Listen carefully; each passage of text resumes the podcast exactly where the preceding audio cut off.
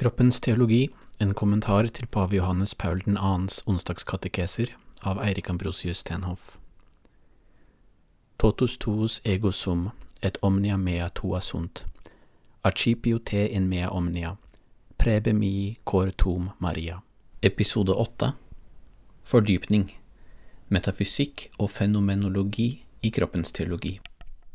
Del 1 Metoden Vesentlig menneskelig erfaring, induksjon og reduksjon.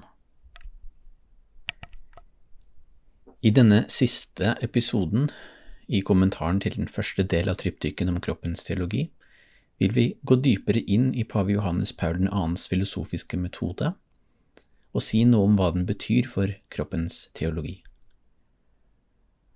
Alt i andre del av første episode drøftet vi den metodologiske forutsetningen for pavens refleksjoner om mennesket, som han kaller for en adekvat antropologi. Adekvat antropologi handler ifølge paven om at vi tar utgangspunkt i det han kaller den vesentlig menneskelige erfaring. De tre urerfaringene, opprinnelig ensomhet, forening og nakenhet, til de første menneskene, peker på det ontologiske grunnlaget for mennesket. Og I denne delen ønsker jeg å vise til noen videre forutsetninger for pavens metode, slik de kommer til uttrykk i hovedverket Osobaichin, Person og handling fra 1969, samt noen filosofiske essays fra 1960- og 70-tallet. Disse er skrevet en stund før Voitiva blir valgt til pave, men de inneholder det metodiske og antropologiske grunnlaget for det paven sier i onsdagskatekesene om kroppens teologi. La oss begynne med noen metodiske refleksjoner og hvordan Wojtyła forstår erfaring som et utgangspunkt for antropologien. I andre og tredje del vil jeg anvende Wojtyłas filosofiske antropologi for å trenge dypere inn i urerfaringene som utgjør kroppens teologi. La oss begynne slik person og handling gjør, med begrepet erfaring. At vår erfaring har evnen til å avdekke eller åpenbare hvem vi er, virker med det første ikke som en oppsiktsvekkende påstand. I moderne filosofi, og jo i kulturen vår generelt, legges det stor vekt på erfaring og på menneskers evne til å konstituere sin egen identitet. Men som vi har sett hittil, er måten vi tenker om erfaring og subjektivitet på i moderne tenkning, i stor grad en arv fra bevissthetsfilosofien til Descartes. Og René Descartes identifiserte subjektet, som vi har sett, altså det menneskelige jeget, med cogito, med det faktum at jeg tenker. Denne antropologien definerer altså mennesket som en tenkende substans, res cogitans, som står i et motsetningsforhold til det Descartes kaller for den utstrakte substans, som består av resten av verden og, og selv menneskekroppen. Så en ren bevissthetsfilosofi er også en dualistisk filosofi, som spalter sinnet og kroppen fra hverandre. Når paven sier at kroppen uttrykker personen, går dette rett imot et vesentlig premiss i denne tradisjonen. I forordet til person og handling oppsummerer kardinal Wojtyła den kartesianske innflytelsen som følger. Sitat Siden Descartes har kunnskapen om mennesket og dets verden blitt identifisert med den kognitive evnen, som om det bare er gjennom kognisjon, og særlig gjennom kunnskap av en selv, at mennesket kan manifestere sin natur og sin status. Sitat slutt. Og han fortsetter, sitat, Er det i virkeligheten slik at mennesket åpenbarer seg selv gjennom tenkning, eller snarere gjennom den faktiske utførelsen av sin eksistens? Det er ved å vende om på, eller reversere, denne etterkartesianske holdningen til mennesket at vi kan gjennomføre denne studien, ved å nærme oss mennesket gjennom handling. Sitat slutt. Her gir Voityva oss også en nyttig oppsummering av hans eget prosjekt i boken, som samtidig blir en tentativ beskrivelse av metoden han anvender. I innledningskapitlet til Person og handling uttrykker han formålet med boken på en lignende måte. I moderne tenkning betraktes personen oftest som forutsatt, eller forut for handlingen. Først har vi en definisjon av en person, og så snakker vi om hva personen gjør. Wojtyva ønsker som et metodologisk anliggende å reversere forholdet mellom personen og handlingen. Sitat For oss åpenbares personen gjennom handlingen, og vi betrakter personen gjennom dets handling. Sitat slutt. Som vi aner av det siterte, er det en nær sammenheng mellom hvordan vår handling uttrykker hvem vi er, ifølge person og handling, og hvordan kroppen uttrykker hvem vi er, ifølge onsdagskatekesene om kroppens teologi. Her er det snakk om noe mer enn en ren ordlikhet. Vi skal komme nærmere tilbake til hvordan dette kan forstås i lys av kroppens teologi i de neste to delene av episoden. Men la oss ha dette grunnleggende konseptet i bakhodet idet vi ser nærmere på Futivas filosofiske horisont og hans analyse av erfaring. I episode to drøftet vi pavens filosofiske og teologiske skolering i en viss detalj. Som vi så der, ble han tidlig preget av karmelittisk spiritualitet, tomistisk værensmetafysikk og den fenomenologiske metode. Omtrent i den rekkefølgen. Den tomistiske filosofien handler, ja, veldig enkelt sagt, om ontologiske sannheter om virkeligheten, om væren. Mens fenomenologien, som også er en relativt ung disiplin i filosofihistorien, handler om den systematiske undersøkelse av menneskets erfaring, av fenomenene i verden, kan vi si. Vi kan forenkle dette enda mer ved å si at tomismen er mer interessert i den objektive dimensjonen ved tingene, fenomenologien er interessert i den subjektive dimensjonen. Både tomister og fenomenologisk inspirerte såkalt personalistiske filosofer har en tendens til å trykke paven til sitt bryst på ulike premisser. De vil hevde at hans metode er enten primært tomistisk eller primært fenomenologisk. Sannheten er antagelig mer komplisert, og boken Person og handling bærer preg av det. Wojtyvos metode var alltid nokså eklektisk, og styrt fremfor alt av en grunnleggende intuisjon, mer enn av et konsekvent filosofisk program, nemlig hvordan vi skal komme til rette med storheten i menneskets erfaring av og kall til kjærlighet. Jeg vil derfor hevde at det ikke finnes noen store brudd i hans tenkning, verken tidlig i livet eller senere. Tvert imot må vi snakke om en slående kontinuitet. Og enda viktigere enn dette historiske og biografiske poenget er det faktum at Voitiva skydde enhver filosofi som opererte med bare én eksklusiv eller for snever metode. En ensidig metode, som man ville si. Både den tradisjonelle tomismen og fenomenologien led under dette på, på ulikt vis, som vi skal komme tilbake til.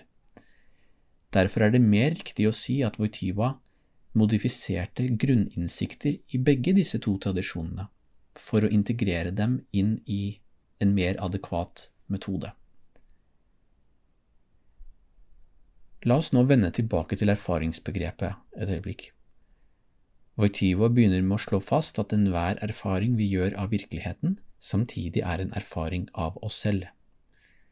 Erfaringen har altså en subjektiv og en objektiv dimensjon, objektiv dimensjon, og han skriver dette flere steder. Denne erfaringen er altså ikke erfaringen til en ren bevissthet. Som han skriver senere i Person og handling, er bevisstheten ikke et autonomt subjekt, og det er jo nettopp det som Descartes sa. Så Voitiva er som sagt opptatt av å avgrense et adekvat erfaringsbegrep mot Descartes' filosofi. På den annen side må han vedgå at den tomistiske tradisjon ikke behandler spørsmålet om menneskelig erfaring eller bevissthet i særlig grad.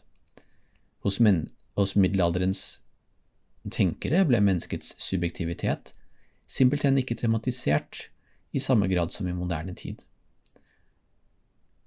Så for å komme til en rikere forståelse av hvem mennesket faktisk er, må vi finne en måte å integrere den objektive og subjektive dimensjonen i erfaring. Denne metoden beskriver Voitiva videre gjennom begrepene induksjon og reduksjon. Og det er henholdsvis et aristotelisk begrep og et fenomenologisk begrep. Og her snakker vi om det som i filosofien kalles for epistemologi, altså erkjennelses- eller kunnskapsteori, hvordan vi kommer til eh, kunnskap om verden. Ordet induksjon kommer fra det latinske ordet inducere, som betyr å føre inn i.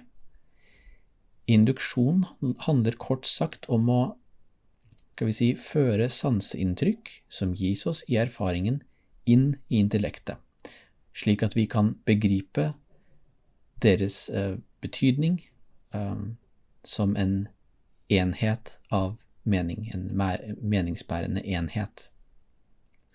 Ut, for uten denne evnen til å forstå identiteten mellom ting, eller det som middelalderens tenkere kalte for universaliene, så ville vi ikke kunne forstått noe i det hele tatt. Det er i hvert fall implikasjonen her.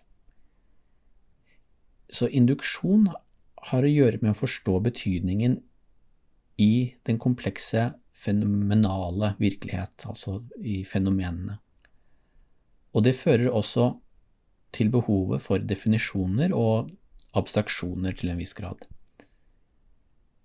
Som vi har sett tidligere, er mye av den aristotelisk-tomistiske tradisjon basert på kategoriske definisjoner, også innenfor antropologien.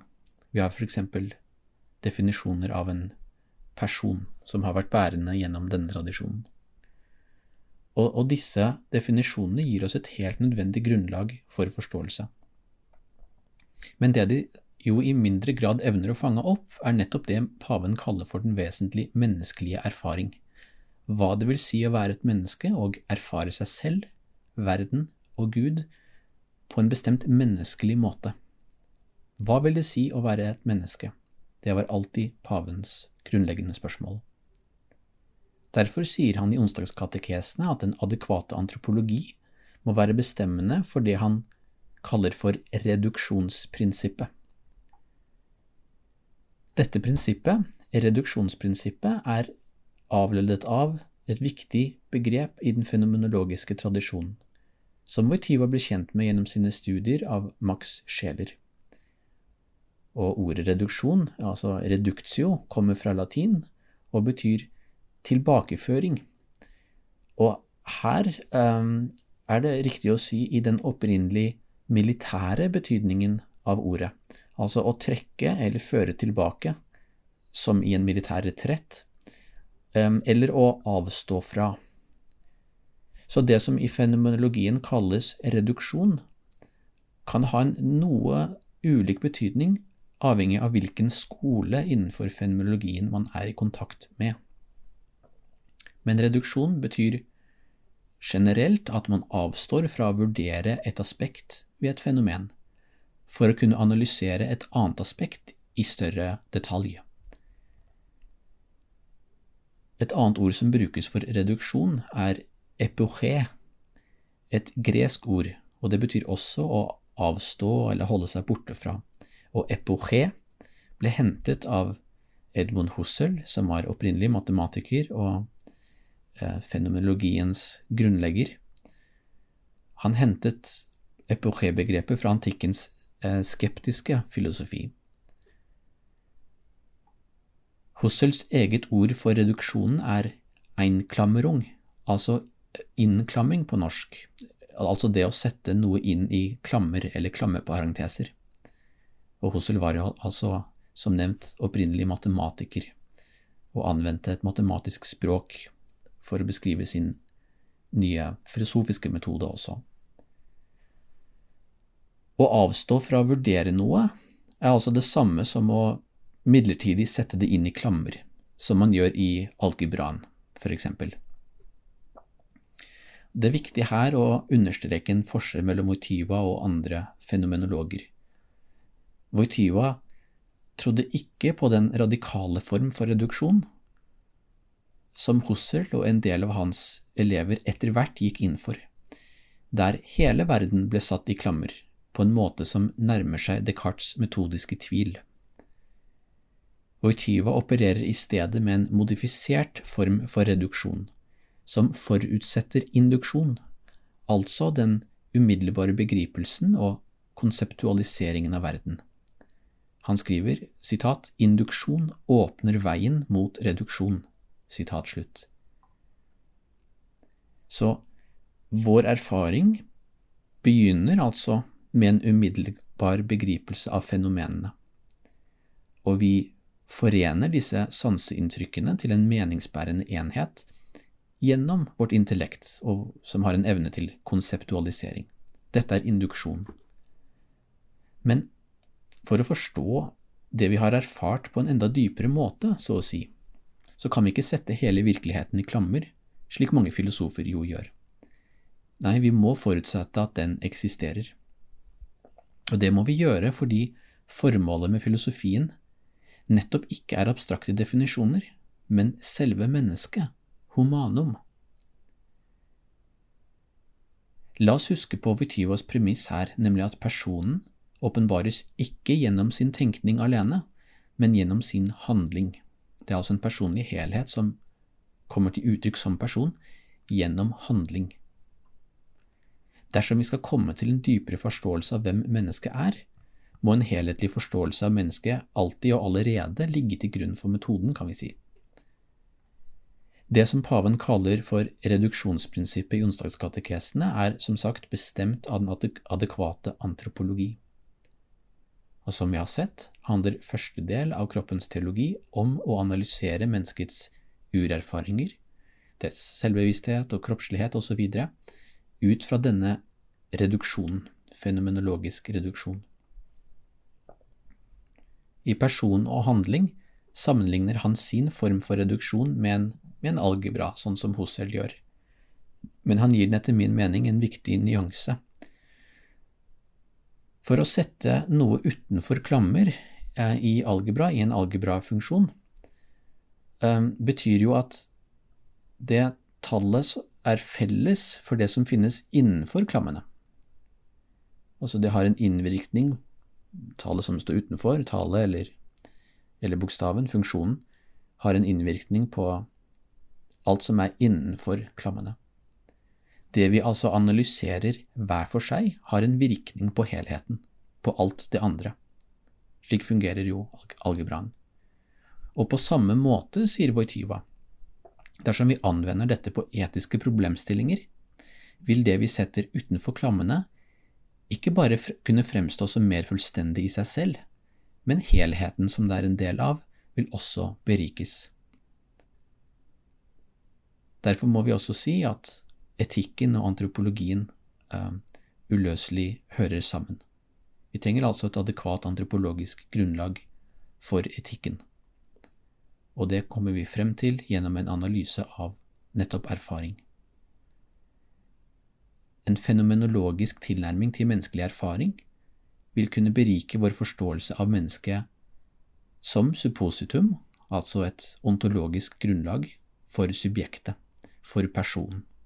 Og jeg skal komme tilbake til, til dette i de neste delene av denne episoden, hvor jeg vil forsøke å anvende denne grunnleggende innsikten på kroppens teologi.